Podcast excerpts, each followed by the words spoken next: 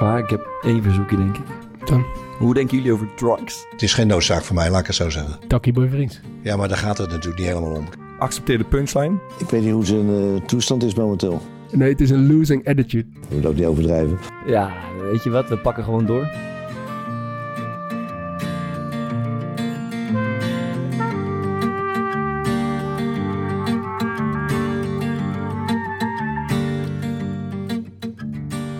Lieve luisteraars, daar zijn we weer.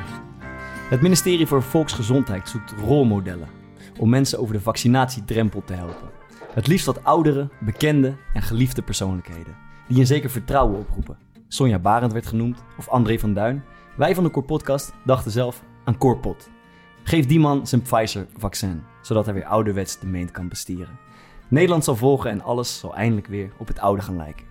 2020, het zit er bijna op. Kerst staat voor de deur, terwijl je met lood in je schoenen onderweg bent naar de schoonfamilie. Kan je het komend uur luisteren naar de laatste Core Podcast van het jaar. Takkie boy vriends. Zo, niet normaal hè. Is die weer. Jongens, wat was het voor jaar? En Nou, ik vond het wel, als je gewoon terugkijkt, ik vond het een beetje een, eh, een, een raar jaar. ik, zou, ik zou ook het willen bestempelen als raar. Het was een heel raar jaar, Ja. zou ik ook willen zeggen. Wat voor jaar was 2020? Ja, een heel raar jaar. Raar. Heel raar, ja. Een raar jaar. Het is een raar jaar. Het is een raar jaar. Het was een raar jaar. Dat is een ra- rare jaar. Was. Nou, behoorlijk raar. Heel raar. Heel raar. Het was een heel raar jaar. Ja, het was een raar jaar. Ja, dat was raar. Zullen we daar gewoon bij laten? Het is winterstop. Eh, wij hebben het afgesloten met een eh, overwinning. Wij niet. Jullie niet. Wat gaan we doen? Vandaag? Gewoon een winterstop. Nou, die van ons zit er al bijna op eigenlijk, man. Ja, we hebben nog tot maandag eh, winterstop, dus het is bijna alweer eh, gedaan. Eigenlijk niet zoveel, man. Een beetje uitrusten. Hebben we het ervan genomen? Mm, ik heb een kamertje geverfd. Ik weet niet of je dat eh Stefan Nemen noemt, is maar te weinig. is te weinig. Thomas? Nee, ik probeer mijn huis te slijten. En eh, dan zijn er bezichtigingen. Dan mag je je eigen huis dus niet in. Ja. En dan kom je er pas achter hoe kut het is dat Nederland in lockdown zit. ik heb nergens heen. Jij hebt bij mij gezeten. Ja, ik heb bij jou gezeten. Ja, Ja, ja we we nemen het ook niet voor je lol. We, we nemen vandaag ook bij Bart op. En ik ging eh, redelijk bij, bij tijds hierheen. En ik zie die bakfiets buiten staan. Dus ik dacht gelijk, ik ben de lul. Want vaak komt eigenlijk nooit heel vroeg. En als hij wat doet, dan is hij wat aan het bekokstoven. We zijn maar, wat aan bekokstoven samen, ja. ja. maar ja, dat, ja, misschien komt het nog. Maar eh, hij was huis uitgezet. Ja, we hebben net een potje eh, met het mes op tafel gespeeld. Mijn eh, favoriete televisieprogramma. Ik heb het bordspel gekocht. Eh, het was eh, zinderend. Ja, Twee Fokkert had het, eh, had het niet. nee, nee, die heeft twee keer verloren. Leest hij zoveel boeken. Ja, Ja, maar ja, weet je Bart. Van de week twee keer tegengespeeld, twee keer gewonnen. dat, dat zeg je dan weer niet erbij. Maar, eh, Dat is waar. Wij doen eh, over het algemeen vier keer in de week eh, met het mes op tafel. Eh, wie het wel had, dit weekend vond ik, was eh, Denzel Dumfries. ja. Sowieso, ik denk, eh, ik, ik wil dan toch een beetje vooruitlopen op de zaken. En ik Mhm. zeg, eh, PSV wordt kampioen. Mm. Want Jezus. die hebben het goed voor elkaar daar. Zit hij inmiddels Al die, eh, nee, al, die, al die lachende gasten. eh, ze hebben Mootje Iataren weer aan het voetballen gekregen. eh, nou ja, ze hebben in principe ook al eh, de grootste personele problemen al gehad. Ja. En ik heb dus wel het idee dat ze er sterker eh, uit zijn gekomen. Dus ik denk dat ze kampioen worden. We we moeten het over voetbal gaan ik, had, ik had oprecht hier nog geen seconde over nagedacht. Maar eh, ik vind het goed. Ja, nee, ik, Nee, ik zou als ik mijn laatste cent zou moeten zetten, zou ik gewoon op Ajax zetten. ik ook. ja, dat sluit hij zich weer bij aan. Hij doet zelf een keer wat verzinnen. Nee, vind nee. Maar wel, ik, wel, eigenlijk, wij zijn altijd een beetje eh, kritisch en lacherig over interviews. Dat is eigenlijk waar ik op doelde. En toen eh, kroop onze vriend eh, Denzel weer achter de microfoon. En zo kan het ook. Ja, hij is goed. Hij, is goed, hij is vrolijk. Je moet, eigenlijk moet je zijn hoofd er ook bij zien, maar Ja, ik wil het wel zien, want ik heb het het, eigenlijk eh, het is goed. Hij, hij, hij, hij is in gesprek met Jan-Joos van Gangelen en Arnold Brugink. Ja, je moet er nu een beetje om lachen. Vind je dat mooi als je kwaad wordt? Ja, af en toe wel, ja. Soms is het wel eng, hoor. Ja? Ja, Ja, dat geloof ik echt. Ja, Ja, ja. Wordt het al zo'n echt zo'n leraar Duits? Ja, dat is wel eng, hoor. Gelukkig hebben we dat nog maar één keer meegemaakt. Maar eh, Wanneer? ja, welke wedstrijd was het nou? Eh, Ik- Europese wedstrijd, uh, Paal, thuis. Oh, hier. Toen jullie achter stonden en jullie nog won. 2-0, Ja. 1, 2, 2 Oh, toen je achter stond, ja. Ja, toen we achter stonden. Ja, Maar is hij dan, wordt hij dan, wordt hij dan zo, zo, echt zo koeltjes boos? Dat je echt een beetje bang wordt? Of gaat hij snijden? Eh, nee, nee, nee. Hij is zijn woorden wat feller. Hè? Dus dan, in het Duits ook dan, eh, ja, dan weet je dat, dat hij echt boos is. Want normaal is het Engels. Maar eh, nee, kijk, het is gewoon... eh, af en toe zit hij in zijn emoties en terecht.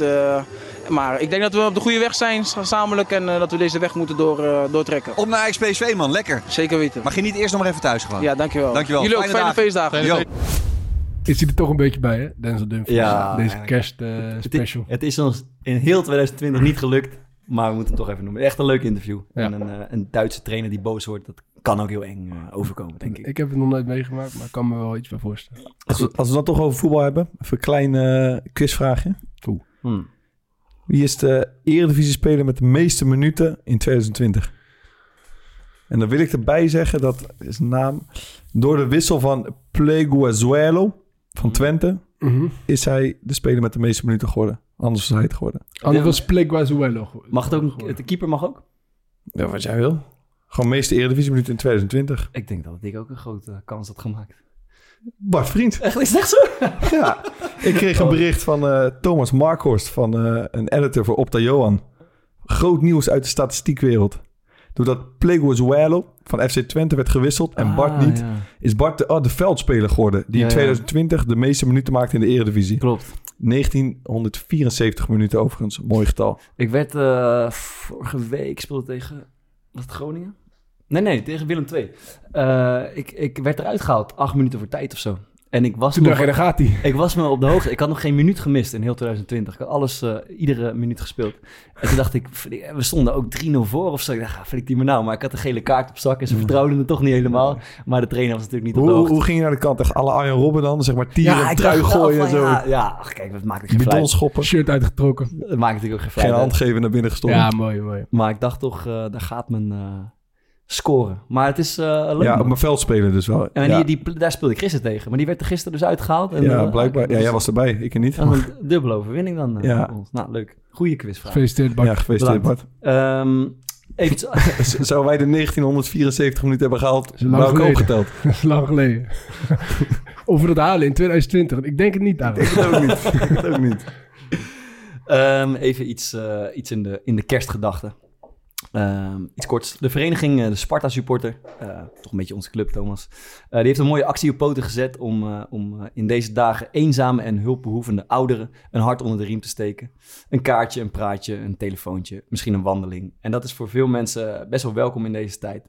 Ehm, dus een oproep vanuit de Sparta Supporter. Ben of ken jij iemand die, die, die wel een beetje zou kunnen opfleuren met wat aanspraak in deze tijd? Eh, mail dan alsjeblieft naar info.despartasupporter.nl. Het is een kleine moeite, maar dan kan je toch wat mensen misschien een beetje in het zonnetje zetten in deze barre tijden.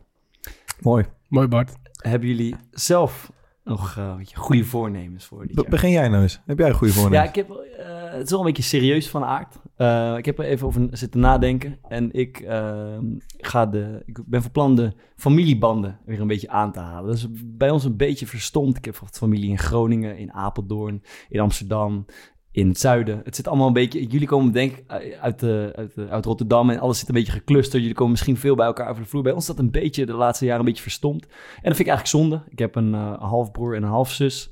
eh, die ik wel iets vaker wil zien. Ik heb familie in, eh, in Apeldoorn, waarvan ik denk, nou, het zou echt gezellig zijn om af- elkaar wat vaker weer te zien. Dat is eigenlijk een beetje eh, uit elkaar gelopen de afgelopen jaren. En eh, wat, wat het gevolg daarvan is, als het eenmaal een beetje uit elkaar trekt, dan is dat het nieuwe normaal. Dus dan kom je ook niet heel erg snel meer bij elkaar over de vloer. Ja. of zo. Maar het zou best wel, eh, of wat oude vrienden van, me, van mijn studie van vroeger, het zou wel leuk zijn om dat er weer een beetje aan te halen. Dus dat is eigenlijk eh, wat, eh, wat ik voornemens ben.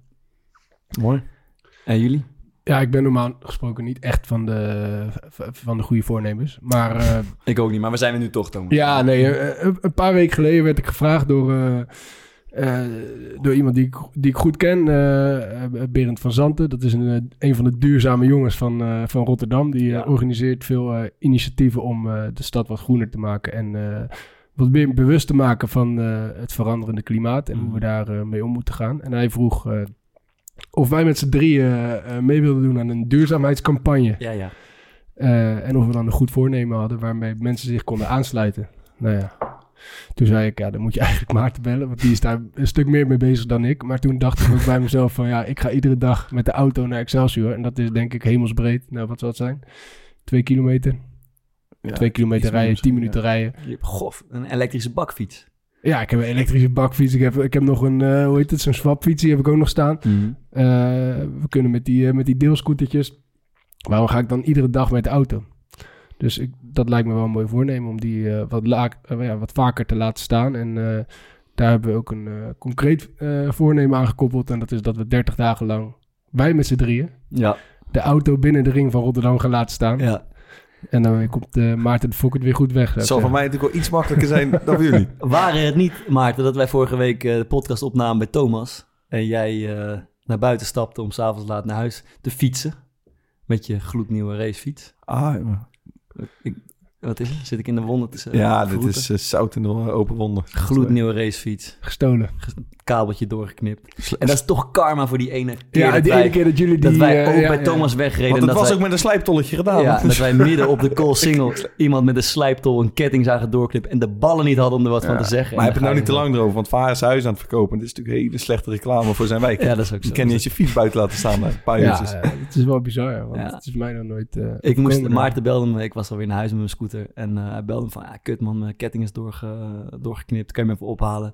Dus ik reed weer terug naar de Hij zat, moed, hij zat er zo getreurd. Moederziel alleen met zijn, met zijn, met zijn hoofd in zijn schouders. zat Ziel onder zijn arm. Ja, maar kut, ik begreep het wel. was kut. Ja, Ja, nee. Weet je, doe je niet graag. Maar je hebt een nieuwe, heb ik gehoord.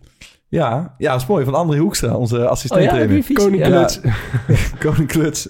Ja, An- André die, eh, is heel fanatiek fietser. Mhm. En eh, die hoort, hem was ter oren gekomen dat mijn fiets gestolen was. En hij zei, joh, ik heb toevallig een aantal weken geleden een nieuwe gekocht. En eh, ik heb nog mijn oude staan. En die- als je wil, kan ik een keer voor je meebrengen. Ja. Kijken, nou, zo geschieden. Mm, lekker. Dus dat is toch... eh, Ja, goud. ja, dat is fijn. Dat is heel, heel lief van hem. Dat is mooi gedaan. Goed voornemen. Wat is jouw voornemen, eh, Fok? Ehm, ja, ik hou ook niet zo heel erg van eh, goede voornemens of dat dan ook direct uitspreken. Maar ik wil wel het, eh, het, het- Een van de doelen die ik heb is het leesclubje, Toon, waar jij eh, laatst over vertelde. Wat ik ga opzetten met de maatschappelijk stichting van Excelsior. Dat wil ik echt eh, van de grond krijgen. En daar hopelijk eh, een mooi groepje kinderen mee eh, een beetje kunnen inspireren om wat meer te gaan lezen. Dus dat is mijn, eh, Mooi. mijn goede voornemen. Mooi. Leuk. Ja. Wil je iemand nog wat kwijt? Thomas is afsluiter keer misschien.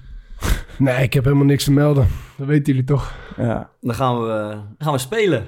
Het is even een andere uitzending. We gaan eh, de kerst in met eh, Ranking De Stars. the Stars. Speel ook eindelijk is het winterstop. Ja. Eh, we hebben Paul de Leeuw opgetrommeld om eh, de boel bij elkaar te trekken. Wat we gaan doen is Ranking the Stars. We hebben zes eh, stellingen ehm, die we één voor één gaan eh, behandelen. Steeds met een wisselende host. Ehm, acht personen om uit te kiezen. Help me even. Dat zijn Thomas Verhaar, Maarten de Fokkert, Bart Vriends, Lodewijk Asscher, Gordon, Cor Michiel Pot, Kramer. Michiel Kramer Hugo Borst. en Hugo Borst. Eh, die worden gerankt. Wij hebben het eh, op eh, Twitter gezet. Er zijn veel reacties op gekomen. Mensen die allemaal een ranglijst hebben gemaakt en wat quotes erbij hebben gezet. Ehm, we spelen voor de winst natuurlijk, de drie eh, van ons. En wij hebben allemaal ook onze ranglijst gemaakt per stelling. Ehm, dus daar gaan we mee beginnen.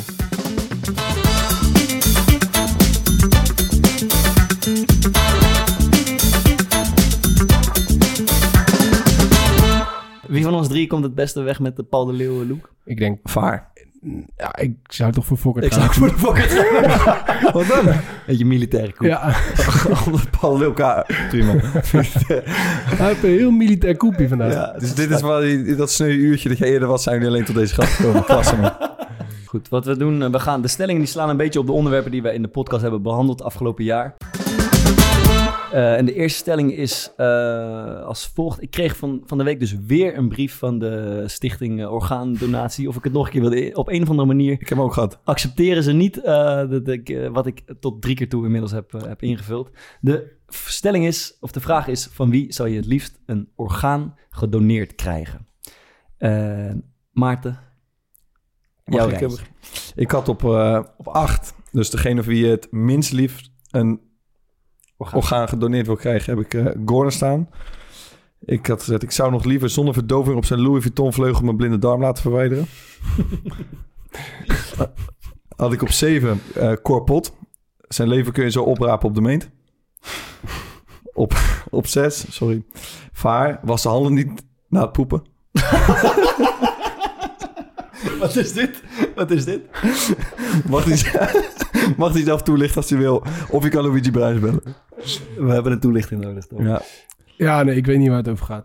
Lucie Bruins uh, beticht me er wel eens van. Maar, uh, Gewoon iedere keer als Verhaar ergens aan zit, dan hoor je Bruins. Die was de handen niet aan het zoeken. ja, ja. Uh, er zal er met de orgaantjes ook wel wat mis zijn. Dat denk ik Ja, wel. oké, oké, oké. Heb ik op eh, vijf Michiel Kramer. Als je tijdens de wedstrijd al niet van de frituur af kan blijven, kan je leveren nooit jovel uitzien. Ehm, vier, Hugo Borst. Positieve noot. Zijn articulatie kan ik wel gebruiken. Dus misschien krijg je dat meegeleverd met een eh, orgaantje. Drie, Vriends. Ziet er van buiten een stuk frisser uit dan hij van binnen nog is, gok ik. Ascher. Ik denk dat hij eh, vrij koosere orgaantjes heeft. Eh, en op één heb ik mezelf. Dat is flauw, ja, dat is flauw. ja, is flauw? Ja, is flauw. Hij heeft zichzelf op één. Op één. 19 wedstrijden in 4,5 seizoen. Dat kan niet zoveel stuk. Ja, Ja, nee, ja oké. Dat is leuk. Dat Dus, is hij leuk. heeft- dus als hij eh, op sterven ligt en zijn hart doet het niet meer... dan heeft hij het liefst het hart van zichzelf alsnog. ja, maar, maar als ik mezelf op 5 had gezet en nummer 1 tot en met 4 kon niet. Ja, maar het, gaat, het is natuurlijk wel een wedstrijd. Het gaat erom, wat vindt Nederland? Ja, Eh, wat eh, Oké, nee, dan, wat heb vindt ik, de dan heb ik het weer eh, verkeerd begrepen. En dan moet je... Je moet eh, gaan voor de winst, Thomas. Dat weet je toch? Thomas Vaar. Ja, ik had op acht dat ik eh, uiteraard ook eh, Gordon. Ja. eh, met als tekst erbij. Ik heb nog liever een orgaan van mijn dode zelf dan eh, van een levende Gordon. dus ja, op zeven sta ik zelf. Eh, op zes had ik Corpot. Voor een nieuwe heup ga ik wel naar het ziekenhuis. Eh, Prima op vijf had ik Fokkert. Eh, ja, Je mist er een, eh, nee, op zes Nou ja, had hij zichzelf op Ik had zeven. mezelf op zeven, ja. Korpot op Ah. 6. Op 5. Want ik wilde van... ja, ik had dat toegelicht. Leuk. Ehm, ja, Fokker, dat radiohoofd wil niemand hebben. Vier, Michiel Kramer. Nou, dat leek me wel lekker, zo'n neusje voor de goal. Eh, ik had op drie had ik Lodewijk Asscher. Ik heb erbij gezegd dat ik geen idee waarom, maar ik dacht dat het publiek wel voor hem eh, zou kiezen. Eh, ja, op twee had ik Hugo Borst. Die heeft een, eh, die heeft een hart van goud. Mm. Mooi. En op één had ik eh, Bart Vriends. Met die hamstrings van Vriends, die zou ik misschien wel snel zijn. En wat vond Nederland? Oh, echt een spelshow, echt BNN spelshow. Gaan we turven hoor. We gaan op 8. Gordon, die is alvast goed. Puntje. Eh, wat vond Nederland? Gordon op 8. Van zijn orgaandonatie word je eerder zieker dan beter. op 7. Corpot kan beter een orgaan van een ander gebruiken. Op 6. Hugo Borst heeft zijn haar al met succes gedoneerd. Ja, Vijf. snapte ik niet. Lodewijk, ik ook niet. 5. Lodewijk Asscher vraagt hem waarschijnlijk onterecht terug. Op 4. Michiel Kramer. Wetenschappelijk onderzoek naar rampen als deze lijkt me van groot belang. Oké, prima. Op 3. Thomas Verhaar heeft zo weinig gespeeld dat zijn organen nog onaangeroerd zijn. Altijd van een oud vrouwtje geweest. Dat erbij. Op 2. Bart Vriends om ook eens indruk te maken met topografiekennis. En op 1. Van wie zou je het liefst een orgaan gedoneerd krijgen? Maarten de Fokkert met de vraag: Is een lul ook een orgaan? Dat is het leuk het spel. Ik vind het, eh, ik vind het wel Ik grappig. vind het ook wel lekker. Het is winterstop, weet je. We doen wat anders. Ja. Ja, we gaan... Fokker eh, heeft al drie glazen whisky achter kiezen. dus die valt dadelijk om. Dan wordt ook Dat kan oprecht niet lang meer duren. eh, we pakken door. Even kijken. Vraagje 2. Stelling nummer 2. Met wie wil je geen 30 seconds koppel vormen?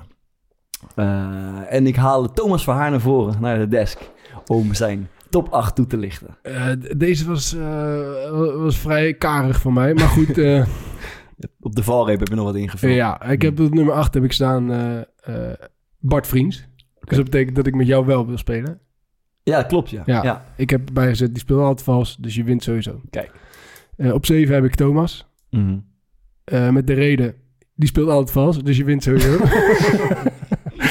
Eh, op 6 heb ik eh, Lodewijk Asscher, die zal gewoon wel veel weten. Dat lijkt me. En Hugo Borst heb ik op 5, die zal ook wel veel weten. Dus dat lijkt me gewoon heel plausibel. Maar... Goeie redenering. Ja, op 4 heb ik eh, Gordon. Omdat de kans groot is dat je door die woordgrapjes... eh, dat hij al iets heeft gezegd wat hij niet mag zeggen. Dus dan, eh, dan tellen ze niet. Yep. Op 3 heb ik Michiel Kramer. Dat interesseert hem allemaal veel te weinig. Heb je ter plekke bedacht. Ja, ja, ja. ja. O- Op twee heb ik de Fokkert. Die vertelt over ieder ding op het kaartje een kutverhaal. en op één heb ik eh Corpot met de vraag... hebben die kaartjes ook met extra grote letters? Maarten, Ehm, kom naar voren en leg het uit. Ja, ik ben er. Op 8 heb ik staan Lodewijk Asscher. Heeft eh, 30k gewonnen in de toeslagenaffaire. Dan moet 30 seconds ook wel lukken. Ehm, op 2, Vriends. Kan nog beter quizzen dan dat hij idol is. Vergezocht, vergezocht. 3, Fokkert. Met 30 seconds verplicht om het kort te houden. Doet wonderen. Mm. Dan Vaar. Praat een dag niet meer tegen je als je niet de titelsong van de Big Lebowski kent. Klopt. Hugo Borst heeft al moeite met voetbal volgen op tv. Laat staan een hectisch quizspel in het echt. Mm. Dan Gordo. 30 seconden slappe lach. Dat dan weer wel. Yep. Twee, Korpot. Gaat dan bij elke vraag toestemming vragen aan Dikkie. 30 seconden zo voorbij. En als laatste, Michiel Kramer. Elk antwoord dat- hij niet weet, ligt dan aan hoe ik opgevoed ben. Zie jij aan de buzzer te denken, Toon? Hij, moet, hij moet niet ooit in zijn hoofd halen dat hij eh, de, de opvolger van Peter Pannenkoek wordt. Pieter Pancake. Maakt niet uit, ga ik wel met de punten ervan. Goed, eh, wat vonden de volgers van eh, de Core Podcast? We beginnen bij achten. Eh, acht. Bart Vriends, hooggeleid. En het volgende verhaal. Met Bart ben ik een keer partner geweest op trainingskamp... waarbij we Denzel Dumfries en Cheryl Floranus helemaal inmaakten. Cheryl zei daarop dat het niet eerlijk was... omdat het hoofd van mij en Bart groter was dan dat van Denzel en hem. dus wel zo. Het is, dit? Eh, Olivier, ons eh inspanningsfysioloog toen die tijd. We speelden inderdaad een potje 30 seconds en wij wonnen, Olivier en ik. Eh, waarbij Cheryl zei, dat is niet eerlijk. Jullie hoofd is groter dan dat van ons. dat is internet zijn. Op 7 Maarten de Fokkert. Heeft nog nooit iets onder de 30 seconden beschreven. En zijn versprekingen gaan te veel tijd kosten. Ja, dat is wel waar. Op 6 Thomas Verhaar beweert altijd het tegendeel. En viel toch een beetje door de mand bij de slimste mens. Als ik dan. Op 5 Ascher, veel te lang verstof. Op 4 Hugo Borst, goede kans dat hij begint te schreeuwen als het even niet loopt. Op 3 Michiel Kramer, blinkt gewoon niet uit in algemene kennis. Op 2 Gordon is niet in staat 30 seconden serieus te zijn. Bedenkt wat seksistische grappen en de tijd is weer voorbij. En op 1 Corpot is er ook een 30 minutes variant. Ja, weet je wat? We pakken gewoon door.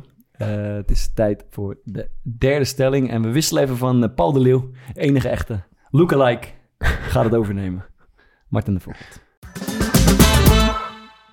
Dat is natuurlijk lekker. En dan gaan we de stelling meepakken. Met wie, wie mag absoluut niet thuiskomen met je dochter? Wie nodig je uit? De enige met een dochter. Thomas Vaar. Oké. Ik had op nummer 8 had ik staan eh, Hugo Borst. Vraag me niet waarom. Die had ik gewoon op nummer 8 gezet. Op nummer 7 heb ik Lodewijk Asscher. Volgens Hans Steeuwen houden linkse vrouwen van rechtse mannen. Dus dat gaat het niet worden. Eh, op nummer 6 had ik Michiel Kramer. Lijkt me geen goede match. Eh, op nummer 5 had ik eh, Gordon. Die had ik eigenlijk op 1 moeten zetten natuurlijk. Maar ja, ik, ik ga toch een beetje nadenken wat de mensen in Nederland dan denken. En dan kom je erop uit dat je op eh, nummer 5... ja, en, en dit deed pijn. Ik moest mezelf ook ergens zetten. Dat staat natuurlijk helemaal nergens op. Dus ik heb mezelf op 4 gezet. Eh, op nummer 3 heb ik Corpot. Na een paar jaar meeliften met Dickie zit het met die erfenis wel goed. Ja, dat is waar. Eh, op nummer 2 heb ik Fokkert. Die gaat toch alleen maar piano spelen of Mario karten. Troe, troe. En dan heb ik op nummer 1 heb ik, eh, Is dat wat Madelon tegen je gezegd is? eh, heb ik eh, Bart Vriend. Gitaar spelen, koken, schilderen, zingen. Klinkt als de perfecte man. Dus dan knijpen we een oogje toe als hij het op andere vlakken wat minder nauw neemt. Wow. Onder water zeg. Jezus. Maakt hem. Hij steekt hem. Jeetje zeg. Oh. Nou, een slokkie. Meedogenloos. Bart, zet hem op. Ik eh, stap naar voren. Op 8. Hugo Borst. De beste keuze heeft zijn wilde haren nu definitief achter zich gelaten. Op 7 Thomas Verhaar. Vergeet zijn boetes te betalen en helpt het hele gezin naar de schuldsanering. op 6 mezelf. Wolf in schaapskleren. Op 5 Gordon. Dat zou gewoon op heel veel manieren zorgwekkend zijn. op 4 Lodewijk Asscher. Prima keuze. Als het aantal zetels in dit tempo blijft dalen, heeft hij binnenkort tijd zat voor het gezinsleven. Op 3 Michiel Kramer. Ja, die noemde een moordaanslag op Jairo Riedewald ooit een prima tackle. Is zelf ook niet vies van een elleboogstoot of een kopstoot. Huiselijk geweld is nooit ver weg. Op 2 Maarten de Fokkert. Veel te getrukt. Komt op je piano oefenen, bijles geven, een lampje vervangen. Bovendien veel te grote lus. en op 1 Korpot. Daar is geen vrouw ooit tegen bestand gebleken. Zegt zelf over een brede reservebank te beschikken. Levensgevaarlijk. Mooi, mooi. Maar wat Wat vond het volk? Mm. Wie mag absoluut niet thuiskomen met je dochter? Op 8. Bart Vriends. Is alleen volgens de media de ideale schoonzoon. Te veel mooie praatjes, vertrouw voor geen cent. Die man is best wel persoonlijk. eh klinkt een beetje als Michel Breuer op de een of andere manier. Stijn Spierings, vermoed ik. 7. Lodewijk. Ba- Bang dat ze gehersenspoeld wordt. En lekker leven op belastingcenten. Je kan het slechter treffen. Mm. 6. Thomas Vaar. Een man die enkel op de bank zit, wenst niemand zijn dochter toe. 5. Michiel Kramer. Heb geen goede reden, maar ik zie dit gewoon niet echt zitten. 4. Maarten de Fokkert. Het is een keepertje. Ja, oké. Hugo Borst. Op een oude fiets moet je het leren, maar niet eentje met twee lekke banden, een versleten ketting en gebroken lichten. 2. Gordon. Hier zit werkelijk waar niemand op te wachten. Snap ik. 1. Corpot. Op een oude fiets moet je het leren, maar niet eentje met twee lekke banden, een versleten ketting en gebroken lichten. Fair Eh, enough, fair enough. Ik denk dat het een pauzenummertje wel... Ja, eh, ja, ja, De mensen zijn er ook verveeld en met Dat al die stellingen. Nou, laat horen waar. Eh, we, we- hebben afgesproken om eh, muziekje erin te gooien. Ja, kleine, kleine. We hebben af en toe... We doen in drie blokjes. Zometeen gaan we even verder met eh, ons eh, favoriete podcastmoment van het afgelopen jaar. We zijn toch eh, ongeveer drie kwart jaar bezig geweest of zo. Ja. Eh, we sluiten dit deel af van eh, Ranking Stars met een, eh, met een klein stukje uit een liedje. En ik begin eh, de eerste. Het is een klein kerstliedje, maar wel een in rock and roll versie van een van mijn favoriete Nederlandse zangers, Douwe Bob. En het heet Run Rudolph Run.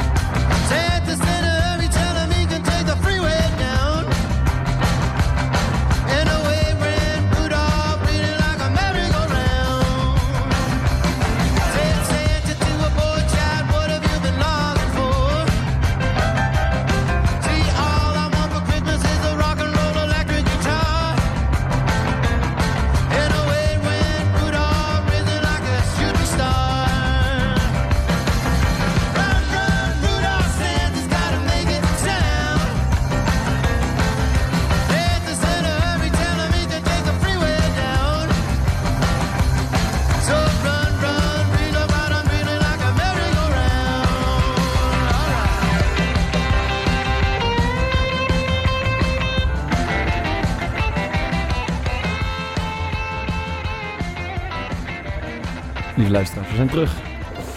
Eh Douwe Bob heeft jullie in de kerstsferen gezongen. En we gaan even terugblikken op het podcastmoment van het afgelopen jaar. Het was even zoeken. We begonnen armoedig. Klom een beetje omhoog. Joes heeft overigens nooit meer wat laten horen sinds hij bij ons te gast is Ja, geweest. klopt. Eh, me afgeschrikt. ja, Maarten, kun je daar nog even achteraan gaan? Ga ik doen.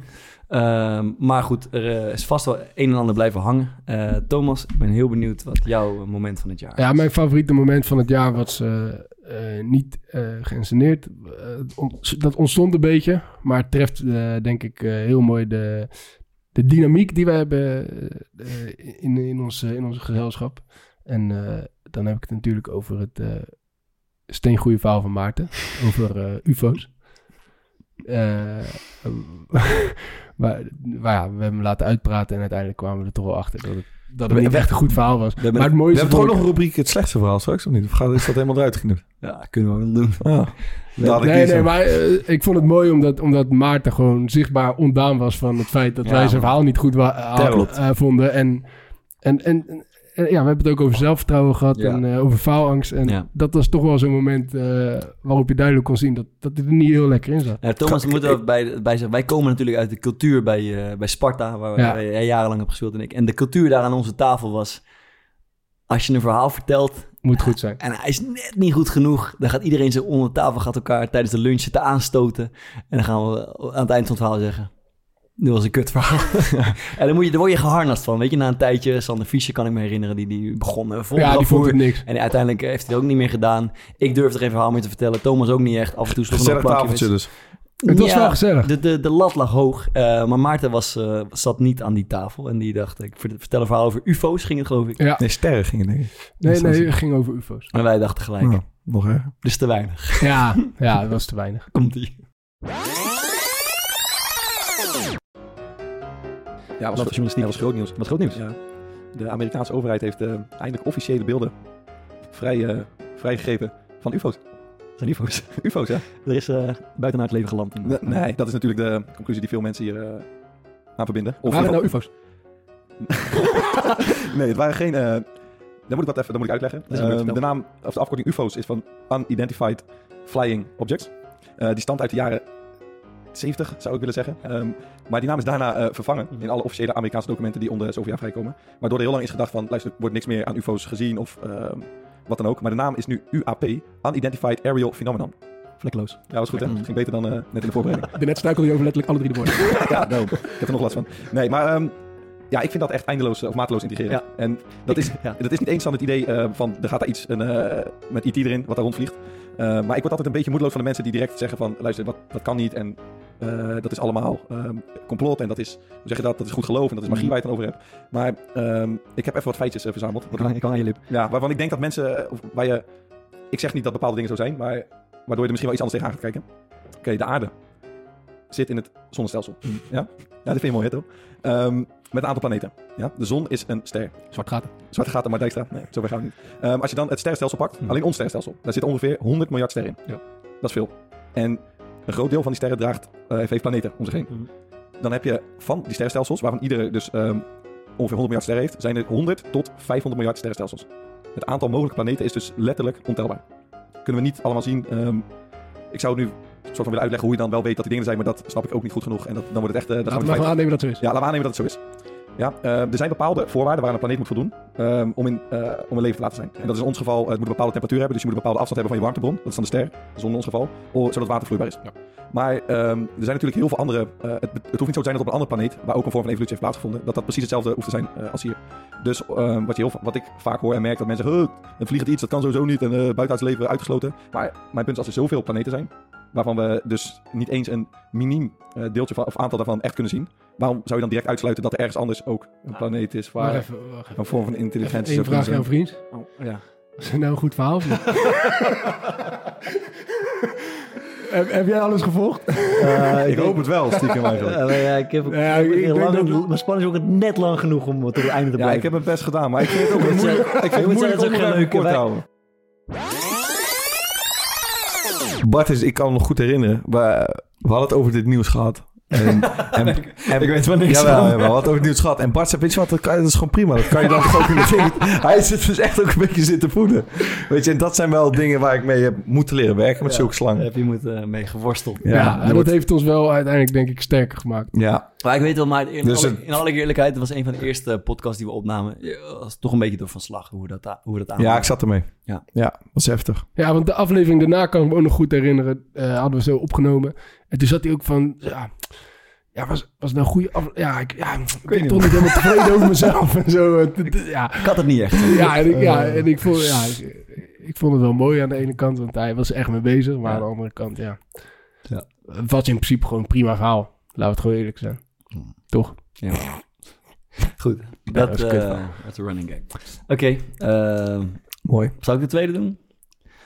Wat mij, eh, het is al vrij lang geleden, maar wat mij eh, ergens bijgebleven. Ik kreeg, is één moment dat ik ontiegelijk de slappe lach kreeg. En het eh, tekent heel erg ehm, de voetbalcultuur. En het verschil tussen, we, we zaten aan tafel met Eva de Goede, eh, de beste hockeyster van de wereld. Eh, die vertelde, we hadden het over teambuilding en het verschil tussen hockey en voetbal. En zij vertelde in, eh, in alle rust en eerlijkheid hun manier van teambuilding. Dat is namelijk hoe ze elkaar in een feedback sessie positieve dingen in het oor fluisterden. En dat vertelden ze in alle zelfverzekerdheid en rust. En, en alsof het de normaalste zaak van de wereld was. En wij hoorden dat aan, of ik hoorde dat aan. En ik kreeg echt ontiegelijk de slappe lach. Omdat ik me gewoon probeerde voor te stellen hoe dit in de voetbalkleedkamer zou zijn. En ik zat naar Thomas te kijken en ik zat in mijn neus te knijpen om niet te lachen. En ik vond het, ik vond het kut, want het was overigens een hele leuke... Ik vond het heel leuk om met even goed over te sparren. Ja. Maar eh, het voelt alsof we haar verhaal niet serieus namen. Maar ik probeer gewoon te schetsen van ja... Ja, je ziet het voor dat Thomas Vaar, met je, dan sta je met je ogen dicht en dat hij dan iets in je oor fluistert. Ja, we hebben het daarna ook nog besproken in, de, in die groep waar Michel uh, Breuer Ja. ook in zit. En die zei van ja, één keer bij Heerenveen hebben we zoiets gedaan. Maar dan met eh, post-its. Ja. Dus dan moest je rondlopen en dan moest iedereen post-its bij elkaar op zijn rug plakken. En dan moest je dan, moest je dan feedback. En toen zei ja, had ik drie minuten rondgelopen. En, en toen had ik die post-its van mijn rug af. En toen had ik eentje met alcoholist. En zulke soort dingen. Ja, het is zo flauw. Maar kijk, weet je, het, mooie, het mooie hieraan is, vind ik... Dus het- ik geloof hè, met alle psychologisch onderzoek en zo... dat dit, dat dit echt... eh, eh, dat dit begrijpelijk is, Ja. dat dit werkt en dat het je in een goede mindset brengt, dat het je teambuilding versterkt. Maar het, de voetbalwereld is hier zo ver vandaan. dit Ja. soort sessies. Ja, dus als je een trainer bent die, die zulke. Ik, ik gok zo dat Jurgen Klopp, die krijgt het gewoon voor elkaar. Denk je echt? Ja. Dat, dat, dat eh Mane in, in het oor van eh, Henderson aan het fluisteren Ja, is. ja, ik denk Hoe goed dat- hij wel niet ik, ik denk, ja, ik denk, ja, niet, misschien niet letterlijk één op één, maar ik denk dat ze wel zulke soort zieke dingen doen, ja. Nou ja, Ja. laten we heel even luisteren. Maar we doen ook wel sessies dat je... Ik weet tijdens het EK... eh, het liep gewoon niet en we speelden eigenlijk niet zo goed hoe we konden spelen. En toen gingen we met z'n allen buiten een rondje lopen en uiteindelijk met z'n allen in een kring staan. En er werden de hele tijd drie mensen die dan in het midden gingen staan en die hun ogen dicht moesten doen. En iedereen moest bij diegene langslopen en dan iets positiefs in diegene oor fluisteren, zeg maar. Dus niemand anders mocht het horen. En zo kwam iedereen een keer aan de beurt. Maar dat is dan gewoon bijvoorbeeld die positieve energie die je dan... Ja, bij jullie idee, ja. Ja, maar is dat, weet dat, eh, was dat een trainer dan bij jullie die dat, dat heel erg... Nee, ik eh, snap wel wat je voor je ziet. Was er een trainer bij jullie die dat... Een specifiek één trainer die dat heel erg erin heeft gebracht? Of wie neemt daar het voortouw in? Nee, we hebben altijd wel al dingen gedaan. Ik denk wel dat het een beetje veranderd is door de jaren heen. Maar dat komt ook omdat, ik bedoel, ik zit er nu 14 jaar bij. Je doet gewoon dingen. En om dan de hele tijd hetzelfde te doen, dat werkt natuurlijk ook Mhm. niet. En weet je, we hebben ook wel eens met van die kleurentesten gedaan. Dus wie welke kleuren heeft. En Ja, dan- dat is wel bekend in het voetbal. Ja, ook. welke... Maar er gebeurt dan volgens niet echt veel. Ja, met die action type dingen, eh, met persoonlijkheid. eh, Ja. ja. En dat je bijvoorbeeld weet van elkaar van oké, onder stress dan reageert Eva zo. Dus op het moment dat ze zo reageert, dan weet ik wat ik kan doen om haar te helpen. Of dat ze gewoon zo reageert en dat ik dat dan even accepteer. En als je dat van elkaar weet, dan ja, kun je natuurlijk veel makkelijker samenwerken. En dan Ja. heb je veel minder frictie tijdens Ja. het spelen. Of Basira. Ik zit er Ja. Wat zou... Wat zou jij Thomas. Ja, maar ik Wat denk- zou Thomas in onze oor fluisteren? Ja, dat wordt natuurlijk niet serieus. ik zie... Ik zie- Ja. Want het is waarschijnlijk... eh, Maar weet je wat, het is echt doordacht en effectief, maar bij ons gaat het gewoon ik, niet ik, ik, ik hou heel erg zeg maar, van teamproces en iets, maar je zou dan zo geneigd zijn om bij je beste maat inderdaad even iets eh, over zijn zus of zo in zijn oor te fluisteren. Ja. Ja. Kijk, het, het tekent wat ik zeg, maar het tekent zo erg. Want oprecht, ik geloof eigenlijk echt dat het effectief is. Maar als ik, dit, dit is gewoon niet te doen. Het is echt een voetbalkleedkamer in een notendop. Wij zijn hier niet klaar voor. En dat is wel, ik vond het een heel grappig, typerend voorbeeld tussen hè, hoe serieus en, en voldaan zij erover vertelt. En ik geloof het, maar omdat de vertaling. Ja, zou ook nog wel het verschil tussen mannen en, eh, en vrouwen kunnen zijn. Ook waar, ook waar. Dus niet per se voetbal en hockey. Misschien dat de mannenhockeyers dit ook niet doen. Zeker, Maar- maar, als je gewoon dat helemaal uitschakelt, hè, die, die, die mannelijkheid Ja. in de voetbalcultuur, Ja. en je denkt gewoon, goed, je pepert elkaar wat positieve feedback in, en je, je durft je open te stellen naar elkaar, je durft kwetsbaar te zijn, dan gaat het die teambuilding waarschijnlijk Ja. naar een hoger level tillen, maar het, wij zijn hier mijlenver vandaan. Ja. dat denk ik dat is ook. een van mijn eh, lievelingsmomenten. Maarten. Ja, een van de dingen die ik het, eh, waar ik het afgelopen jaar echt altijd gewoon even lekker voor ging zitten als dat gebeurde, dat was eigenlijk toen als jij eh, echt even een anekdote ging, eh, ging vertellen. En dat heb hebt heel vaak Bart onderbroken of dan hadden we het over de meest willekeurige dingen. En dan had jij ineens weer iets meegemaakt wat daarmee te maken had. Ehm, en een ander klein dingetje is dat ehm, ja, we presenteren ons op een bepaalde manier. En soms komt er dan ineens een kant van iemand naar boven die je helemaal niet, niet verwacht. En ehm, ja, jij bent best wel eh, altijd jongen die naar de oplossing zoekt en eh, het dingen wil uitpraten en het vriendelijk wil doen. En het is, het is een vrij recent moment, maar dit is mijn, eh, dit is het moment dat ik af en toe nog terugdenk en dat ik, ik kan het eigenlijk niet geloven. En toen kwamen ze even terug. En binnen no time had ik, had, ik, had ik een klap gehad en, en lag ik op de grond. En ik, ik wist, ja, ik moest gewoon wegkomen. Toen heb mijn fiets gepakt, ben ik weggegaan. Maar toen was ik zo wit heet. Ja. En ik woonde vlak achter het Hofplein. En, die, en ik wist dat die gasten naar zijn... Dus de kans was groot dat ze naar het Centraal Station zouden gaan. Eh, dat- dat ik naar huis ben gegaan, heb ik daar een grote hamer gepakt. Ja. En ik dacht, ik ga nu naar het Centraal Station. En dan sla ik die gasten helemaal de tyfus in. Dat is helemaal niks voor mij. Maar ik was gewoon helemaal niet meer mezelf. En toen had ik die hamer gepakt. Toen liep ik denk ik 10 meter mijn huis uit. Toen dacht ik, ga je nou eigenlijk doen? Ja, doe Toen ben ik weer Stel terug. dat voor haar zijn. Zij ziet lopen met een hamer. Ze stil uit zijn oren. Ja, echt bizar. Ik kan me hier ook zo weinig bij voorstellen. Ja. Is een Vindicat lookalike. met zijn hamer uit zijn huis. Met zo'n grote sloopkogel. Ik sla hem helemaal de tyfus. Ja. Ja, ja, ja er, er was toen een keer bij ons ingebroken. En toen had een van mijn huisgenoten had een hamer achter de deur gezet. eh, voor het geval dat. Ja, ja en als, je, ja, als er een bepaald onrecht wordt aangedaan, dan denk ik dat je ja, tot in alle staten eh, kan raken. Zeg maar. Ja.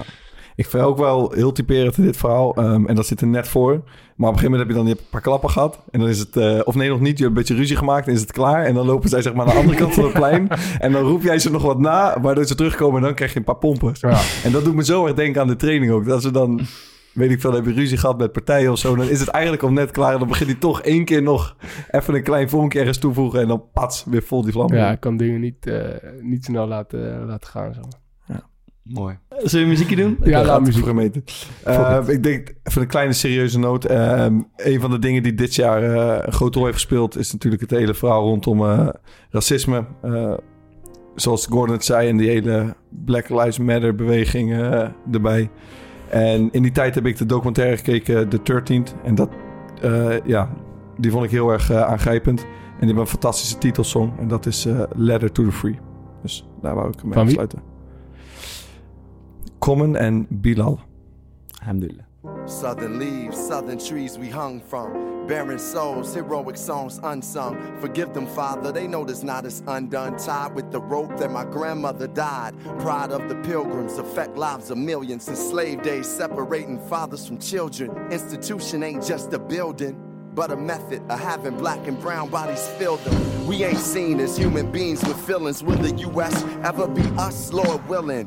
For now, we know the new Jim Crow. to stop, search, and arrest our souls. Police and policies patrol philosophies of control. A crew hand taking hold. We let go to free them so we can free us. America's moment to come to Jesus.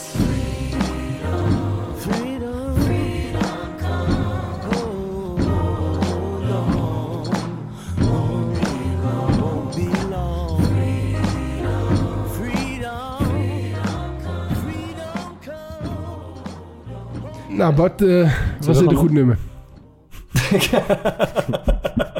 Ze hebben hem niet gehoord. Common en Bilal. Kom in een Bilal. Nou, zullen we door? Ja, wat gaan we doen? Ja, het is, eh, we pakken de, de draad weer op. Knokken. De volgende stelling. Met wie durf je wel te knokken op de training? En dan geef ik het woord aan Bart. Ehm, op 8. Michiel Kramer, nogmaals, noemde een moordaanslag op Jairo Riedewald ooit een prima tackle. Zelf ook niet vies van een elleboog of een gestrekt been. Lang en gewetenloos. Een bloedzuiger ook nog. Dus een geduchte tegenstander. Op 7 Maarten de Fokkert was zelf liever UFC-fighter geworden, maar werd lid van een boekenclub. Houd het maar bij luchtboksen. Op 6 Bart Vriends. Ijdele mensen kunnen niet vechten. Op 5 Hugo Borst wil eruit zien als Steven Seagal, maar is daar veel te lief voor. Op 4 Thomas Verhaar. Net zijn hond Joep. Blaft wel, maar bijt niet. Godverdomme. Mooi. Denk je zelf ook. ja, dit gezegd. ja, echt. Eh, Gordon op 3. Doorgesauste hooligan. Levensgevaarlijk. op 2 heb ik Lodewijk Asscher. Eh, had bij Diederik Samson al een mes nodig om in zijn rug te steken. Zonder wapens zal het ook wel niet veel voorstellen. En op 1 heb ik Cor Als ooit een aardige aanvaller, maar weigerde te koppen omdat zijn haar door de war zou gaan. Nogmaals, ijdele mensen kunnen niet vechten. Mooi. Ik heb eh Corpot op 7. Wauw. ja. Die slaat, je, die slaat je KO en naait vervolgens je heb je op acht dan? Op zes. Wie heb je op acht? Oh, tyfus zo. Ik mis eentje. Eh, Jezelf waarschijnlijk. Eh, nee. eh, Slaat je KO en slaat je KO en night. Dat is, het- dat is de titel van de uitzending. Slaat je KO en night je wijf. Zaak is cash special. Maar goed, ik had op zes had ik eh, Maarten de Fokker. Eh, met als onderschrift, die slaat je KO en hij vervolgens je wijf. ja, dan moet ik even kijken wie ik er nou niet bij heb. Ik heb Michiel Kramer er niet bij, dus die zet ik op acht. Eh, ja, nummer vijf had ik Lodewijk. Eh, ja, die praten hoop. Eh blaffende honden bijten niet, had ik erbij staan. op vier had ik, eh, ja, had ik, eh, nog niks. ha- had ik Bart Vriends. Eh, ik kan me niks bij een vechtende Bart Vriends voorstellen. Eh, op drie stond Thomas Vaar. Had ik ook bijgezet. Blaffende honden bijten niet. hebben ze net voor de aflevering hebben zitten doen. Klasse. op twee had ik Hugo Borst. Alleen zijn baard is intimiderend. En op één had ik eh, Hmm. Gordon. Die gym in zijn huis zag er te ongebruikt uit. Ja, leuk. En wat vond Nederland? Met wie durft te knokken op de training? Op de achtste plaats, Michiel Kramer. Dat is lekker dat ik die daar nog even heb gezegd. Dat is een ordinaire kopschopper. 7. Bart Vriends. Ooit in MMA vechten met een haarband gezien. 6. Maarten de Fokkert. Met een goed gesprek win je de oorlog niet. mooi, mooi. Hugo Borst op 5. De pen is machtiger dan het zwaard. 4. Thomas van Haar. Z- Zonder hamer stelt het niet veel voor. 3. Jezus. Gordon vindt het alleen maar prettig als er iemand op hem zit. Wat een armoede, jongens. Twee, Lodewijk Asscher. Ooit een Lodewijk zien vechten. Slaat bovendien alleen met links. Oh. ik heb nog nooit een Lodewijk zien vechten. Nee. Eén, Corpot. Het enige dat, dat hij stuk slaat zijn barkies in de kroeg. Thomas. Oké, eh, ehm, we, hebben een nieuwe, we hebben een nieuwe spelleider. Thomas. Ja, eh, de, de volgende stelling is: eh, wie heb je het liefst als uithangbord voor je maatschappelijke project? Eh, ja, we, we kunnen denk ik al wel bedenken wie deze stellingen verzonnen heeft. Maarten de Fokker. maar eh dus ik geef ook het woord aan Maarten de Fokker. Leuk. Ik had op acht eh Corpot.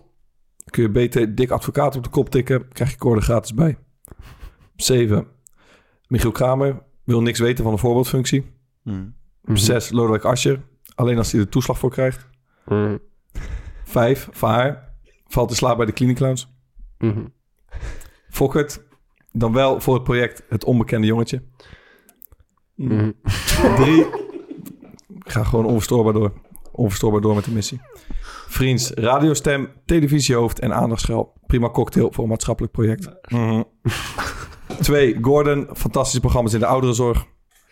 En op één, Hugo Borst, vereenzelviging van het ethisch hart van Nederland... en kan zelfs over een clubje als Sparta met passie vertellen. Mooi woord. Ja. Vereenzelviging. Ja. Eh, Vriends. ik, ja, mijn, eh, ik heb op acht Michiel Kramer, prima ambassadeur voor stichting De Eeuwige Puber. Mhm. Eh, op zeven Corpot, zonder uitleg. mijn creativiteit was een beetje op bij deze. Op zes Gordon en op vijf heb ik Lodewijk Asscher. Krijgt het P van de A-project al moeizaam van de grond. Op vier Hugo Borst. Op drie Thomas Verhaar. In woord, gebaar en looks het ideale uithangbord voor de stichting Dak- en Thuislozen. Op twee Ja. Maarten de Fokkert. Goed hart, mooie idealen. Niks mis mee. Alleen geen kop om groot in een bussenhokje te hangen. En op één heb ik toch, vrees ik me mezelf... Bart Vriends gaat met ieder project in zee als hij daarmee op tv mag. Nee, je kan het weten. Eh, wat, maar wat van Nederland is het belangrijkste. Op nummer 8 hebben zij Michiel Kramer. Uit aan boord van de Febo misschien. Eh, Oké. Eh, nummer 7, Corpot. Ik denk niet dat de Harbor Club echt in de problemen zit. Mhm. Nummer 6, Gordon. Het redden van Gordon zelf is een maatschappelijk project op zich. Dat vind ik waar. Ja. Op 5, Thomas Verhaar. Weet vast veel geld op te halen bij die welgestelde lui van VOC. Op 4, Maarten de Fokkert. Lijkt me een beter bij een uithangbord dat mensen wel weten wie je bent. Of de mooi van een anonieme invuller. Fokkert, prima keuze. Maar zo onbekend dat ik het net zo goed zelf kan doen. Die vind ik waar. Die is niet slecht. Eh, drie, Bart Vriends, typisch voorbeeld van links lullen, rechts doet het altijd goed. Twee, Hugo Borst heeft zich hierin al vorstelijk bewezen. En één, Lodewijk Asscher, als het niet werkt, kan hij altijd nog zijn excuses aanbieden via Facebook. Gaan we dan naar de laatste? Ja, laat me doorpakken. Dus het liep toch niet. Nee, ja. Maar net, joh. Nee. Had je nou verwacht dat je hier overal op één zou staan? Bij? Toen je deze stelling eh, bedacht? Ben, jij, ben jij niet maat- ma- het beste uithangbord voor een maatschappelijk project? Nee, ik denk jij. Hoezo Ik niet? Hoezo eigenlijk? Nee, je wilt toch een beetje bekendheid hebben? Ja, oké, maar het gaat toch ook om dat, dat ze hard op de juiste plek zit? Of... Ja. nou, blijkbaar niet. Oké, we gaan naar de volgende. Eh, bij wie is de kans het grootste dat je drugs in het voorvakje van zijn tas vindt? Lekker vind je dat om te zeggen, drugs. Drugs, ja. Eh, ik geef het woord aan eh, Bart Vriend. Ja, ik heb op, eh op 8 Lodewijk Asscher. En op 7 Maarten de Fokkert. Zou wel willen, maar durft niet. Op 6 Michiel Kramer. Op, Stoer hoor. Op 5 Hugo Borst. En op 4 Thomas Verhaar. Die dacht een periode in zijn leven dat hij Jim Morrison was. Dat is waar, het toch? Dat is zeker waar. Op 3 Korpot. Heb je haast? Hè? Heb je haast? Hij gaat, er, eh, hij gaat er lekker snel doorheen. Dat is goed voor het tempo, denk ik. Ja, soort Nou, doe je goed. Wie had je op vier? Eh, Thomas Oh. dacht een periode in zijn leven dat hij Jim Morrison was. Dat klopt net ook. op zeker. Eh, op Heb je drie- dat ook erbij staan? Bij, eh, dat klopt, hè? Nee, nee, nee. Op drie, Korpot. Zijn die blauwe pilletjes ook drugs? op twee, Bart Vriends hoopt gepakt te worden bij de dopingtest voor meer media-aandacht. En op drie, Gordon behoeft geen uitleg. Op één, toch? Oh, sorry. Op één, Gordon behoeft geen uitleg. De melkkoe van Redouan Taghi. Vond ik zelf wel leuk, maar Oké. Eh, nou, wat ik doen. 8. Fokkert. Hooguit wat plexitarische poedertjes. 7. Ascher. Eh al zou er de komende weken wel eens veranderingen kunnen komen. Kramer. Op 6 had ik eigenlijk niks bij. 5. Hugo Borst neemt de rol van Mr. Sparta op dat vlak nog niet zo serieus. 4. Vaar. Deze narcolab komt geen aflevering door zonder een kleine dosis Jules Dildertjes. 3. Corpot. Op die leeftijd zijn twee paracetamol niet genoeg voor een middagje 108. 2. Bart Vriends. Dealer in schaapskleren. en 1. Gordon. Snuift nog de poedersu- poedersuiker van zijn oliebol. Eh, wat vond Nederland? Heel belangrijk. Daar gaan we. Op 8 stond Lodewijk Asscher. Ja, ja. Assie komt zeker niet van Asscher. Leuk gevonden. Mooi. Ja. Creatief. Eh, op 7 had ik Corpot. Valt Viagra ook onder de opiumwet? Een Dat vraagteken. Bart toevallig even gezien net. Leuk grapje. Leuk gevonden. Eh, op 6 Maarten de Fokkert. Een boek over drugs misschien. Drugs. Weet pas sinds twee jaar wat alcohol is. En denk je nou echt dat Fokkert het zonder vier pillen in zijn mik het keer op keer volhoudt om 90 minuten op de bank te zitten in, ne- in lege stadions? Die had ik net zo goed niet kunnen zeggen. Eh, nummer 5, Hugo Borst. Trok jarenlang op met de nachtburgemeester van Rotterdam. That's right. Op 4, Thomas Vaar. Bij Thomas vind je sporen van VOC, niet van THC. Vond ik wel leuk hoor. Eh 3, Michiel Kramer. Het zou pas echt te gek zijn. Het zou pas echt gek zijn als hij zich zonder druk zo gedraagt. Dat vind ik wel oké. Op 2, Bart Vriends. Zonder doping had hij al lang weer in de keukenkampioen divisie gespeeld. Dat is ook Of om te verkopen aan jonge meisjes. grappig. Ja. En op 1 Gordon. De overval in zijn huis bleek een drugsinval. Ah, goed. ja, dat was leuk. ja, Eh, oké. Ja, dat was eh, leuk. Ik heb... eh, Ik, ik moet eh, toch zeggen, allen, alle mensen, we hebben heel veel inzendingen gehad van eh, antwoorden. Eh, hartelijk dank. Er zaten wat luie grapjes bij, maar ook een paar leuke grapjes bij. Ik heb toch het gevoel van haar dat Bart die antwoorden heeft gekeken Nou, voordat, eh, voordat we zijn gaan spelen. Dat is flauw, dat is flauw, dat is flauw. ja, dat idee heb ik dus ook. Maar ja, weet je, dat kan je niet... eh, Maar hoe je de- kan niet bewijzen. Oké, het liedje doen? Eh, ja, ik heb, een, eh, ik heb een liedje uitgekozen om in de kerstsferen te blijven. Mijn eh, favoriete kerstliedje. Eh Bing Crosby, een eh, oude Amerikaanse zanger met een Mhm. eh, prachtige stem. Die, die had vroeger een televisieprogramma en dan kwamen er grote sterren bij hem langs. En dan gingen ze samen uiteindelijk zingen. Ja. En één keertje rondom kerst eh, kwam David Bowie bij hem langs. En eh, dat is mijn all-time kerstfavorite. Eh, het, gaat, het nummer heet Little Drummer Boy. En eh, David Bowie heeft een eh, versie van Peace on Earth er doorheen gezongen. Komt ie. They told me, bum bum bum a newborn king to see. Ba-rum-pa-pum-pum. Our finest gifts we bring. Ba-rum-pa-pum-pum. Rum-pa-pum-pum. Rum-pa-pum-pum. Peace on earth, can it be? Years from now, perhaps we'll see. Our See the day bring. of glory. See the day of live in peace, So peace on earth. when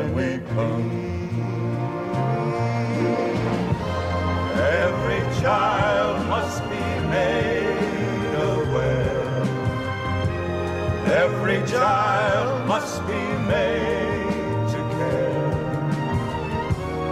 Care enough for his fellow man to give all the love that he can. Jongens, eh, ik vond het een schitterend nummer. Eh, ik denk dat het tijd is voor de prijsuitreiking van de Ja. ranking de Core Podcast. Ik wil wel bij... eh om toch ook nog een beetje 2020 eh, erbij te halen. Zoals Trump zou zeggen. Is vals gespeeld. Door? Ik denk dat Bart Vriends heeft vals gespeeld. They cheated. Jij Ja. denkt dat Fraud. Bart, eh, zich heeft laten beïnvloeden doordat hij de, de scores van tevoren al heeft gezien. Ah, En, het eh, verdomd vaak dan toch eens even die nummer 7 en 8 goed. Even snel. Ik, Ja, eh, hij had, er- hij had er vijf goed in de laatste ronde. Dat kan bijna niet. Hij had er vijf goed in de vierde ronde. Voor mij heeft hij zelfs 6 ergens. Wat een flauwekul, jongens. Nou goed, Dus, Eh, eh, Bart om- heeft gewonnen. Laten we doorgaan. Om Alex, om Alex Pastoor te quoten, dit is eh, verliezersgedrag van de losers. Ja. Wat, wat is makkelijk praten als jij de Dit- score dit- zet. dit- ja, dit is een... Nee, hij, hij deed het in het Engels, hè? Losers. Nee, het is een losing attitude. Ja, losing attitude. Ik weet nog wel dat ik een keer samen met Craig Goodwin eh, eh, ongeveer had lopen knokken op de training. En dat we in de bespreking daarna werden beticht van een, eh, een losing attitude. Ja, damn right. Hoeveel punten heb jij, Thomas? Ik heb er eh 5, 8, 10, 16 punten heb ik. Niet gek. Hoeveel punten heb jij, Maarten Albertas de Fokkert? 14. Bartje Vriends, 20 puntjes. Gefeliciteerd Bart. Dankjewel. Gefeliciteerd Bart. Laten we, Fraud. de, laten we op, de, op de oude voet verder gaan en eh, gewoonweg afsluiten met wat aanraders voor de mensen om de kerstvakantie door te komen. Ehm, wij zijn terug eh, ergens in januari vermoedelijk. We houden er eventjes mee op, maar eh, wat aanraders om de tijd door te komen. En ik ben heel benieuwd waar Thomas verhaal mee komt. Ja, ik kom gewoon weer met een hele mooie film. Hij flikt het weer. Ik heb een film gekeken. Ja, en ik, eh, ik... Maarten die wilde een beetje in de geest blijven met zijn nummertje. En ik eh, volg die geest en ik eh, ga Black Panther aanraden. Hmm. Eh,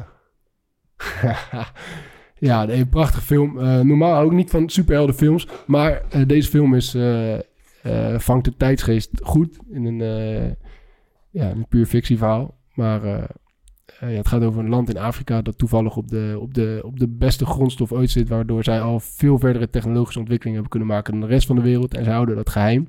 En de discussie ontstaat een beetje of ze de, eh, de, de rest van de zwarte bevolking in de wereld eh, niet zouden moeten helpen. Omdat die eh, zo erg zijn achtergesteld eh, in de geschiedenis van de, van de mensheid. Eh geweldig film. Black Panther. Ja. Gaat het zien. Mooi. Maarten.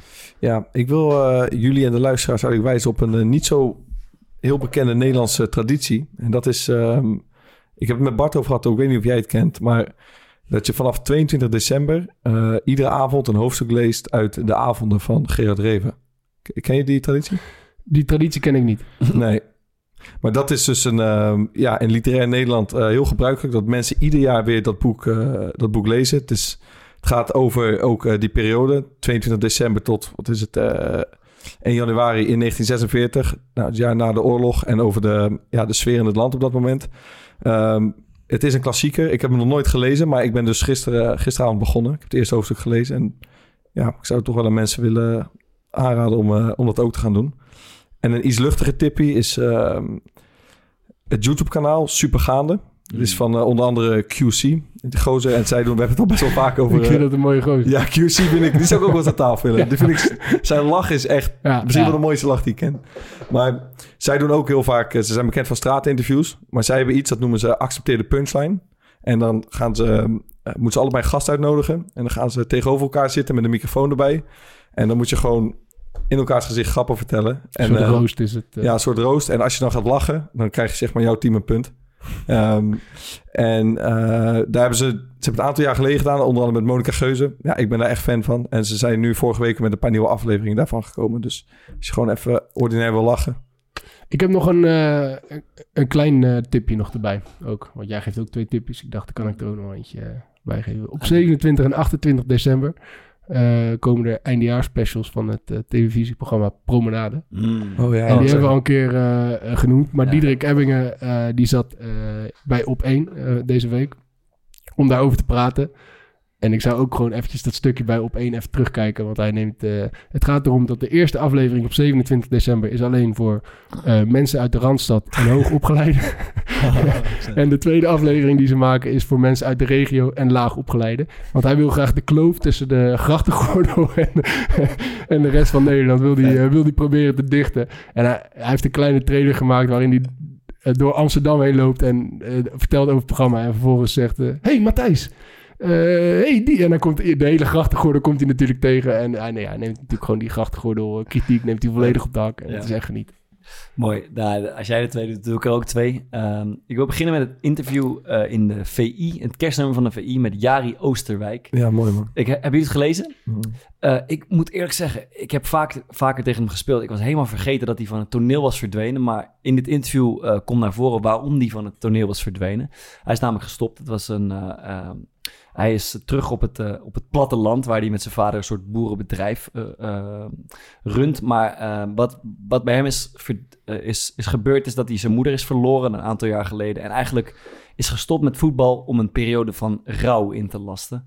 En ik vond het echt een heel eh, indrukwekkend en, en mooi interview met hem, een oud spits van Twente. eh, De. Bos. Waar is dat? Bij NAC, ja. En Den Bosch, denk ik. Eh, Ja. Nee, dat, dat was voor mij denk ik. die eigenlijk. Best, Ah, best een groot talent, maar een jongen die eigenlijk helemaal geen moment is gelukkig is geweest in de, in de voetbalwereld. En dat vond ik, vond ik echt een van de mooiste inter- voetbalinterviews die ik heb gelezen afgelopen jaar. Eh, in de VI dus. En eh, mijn andere aanrader is een, eh, een cult documentaire. Thomas, ik weet zeker dat jij hem hebt gezien. Maarten, misschien jij. Een van de beste Nederlandse documentaires, denk ik, ooit gemaakt. Mag ik raden? Ja. Ik ga voor foute vrienden. Ja, man. Dit is zo goed. Ja, je moet ook denk ik een klein stukje van eh, Jantje van Amsterdam inknippen. Is zo, ik ben blij dat je inhaakt. Dit is zo Met goed. mij moet je niet fucken. Ja. Is dat die? Oh, je kent hem ook, ja. Ja. Het is een documentaire van Roy Dames. En die zat ooit in, een, in, een, in zijn stamkroeg in Amsterdam. En die zag daar vier gasten aan een tafeltje zitten. En die dacht, hier moet ik een camera opzetten. En dat waren vier hele spraakmakende gasten. En hij heeft, daar, hij heeft ze 16 jaar lang gevolgd. En die gasten zijn Ja. Eigenlijk zonder uitzondering eh, totaal in de problemen beland.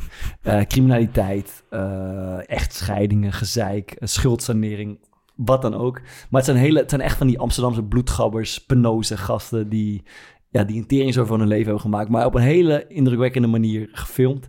En het was een van de vetste films die ik in, Ja, gruwelijk. van, de Nederlandse, van Nederlandse bodem die ik de afgelopen jaren heb gezien. Dus Foute Vrienden, hij is te zien op YouTube. Eh, en het is, duurt geloof ik anderhalf uur. Het zijn eigenlijk drie delen, maar het derde deel eh, geeft het het mooiste weer.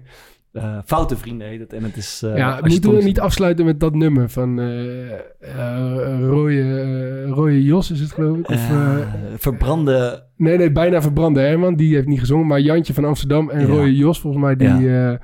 Die gaan op een gegeven moment op het gitaartje een beetje zitten jammen. En eh, Jantje van Amsterdam in, in de problemen geraakt. Zingt alles gewoon van zich af. Het is echt eh, het geweldig. is het is schitterende documentaire. Eh, het heet Foute Vrienden. En, Laten we daarmee afsluiten. Laten we daarmee inderdaad mee afsluiten.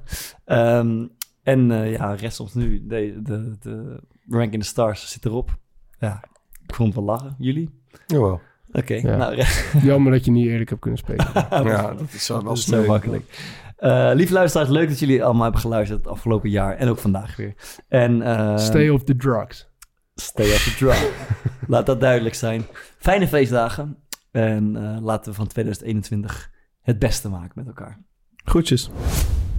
Dames en heren, luisteraars. Speciaal voor de kerstdagen hadden Maarten, Bart en ik ons afspeellijstje op Spotify geüpdate. Om ervoor te zorgen dat jullie tijdens de kerstdagen gezellig ons afspeellijstje kon draaien. Nu waren we dit helemaal vergeten in onze podcast om dit te bespreken. Dus daarom plakken we deze voice clip er even in. Ga dus naar Spotify, toets Core Podcast 11 van de maand in en luister naar onze afspeellijst. Geniet ervan, like hem, volg hem en geniet vooral van de fijne dagen. Tot volgend jaar. Nu kunnen jullie lekker gaan genieten van Jantje van Amsterdam en Rode Jos. Ben zonder wat te zeggen. Het is over voorbij.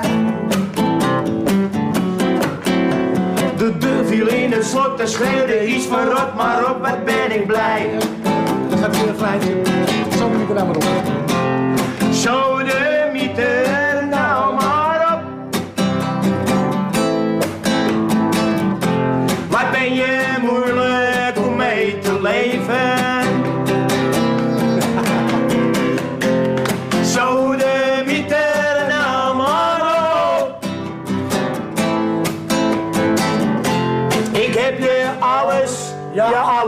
gegeven.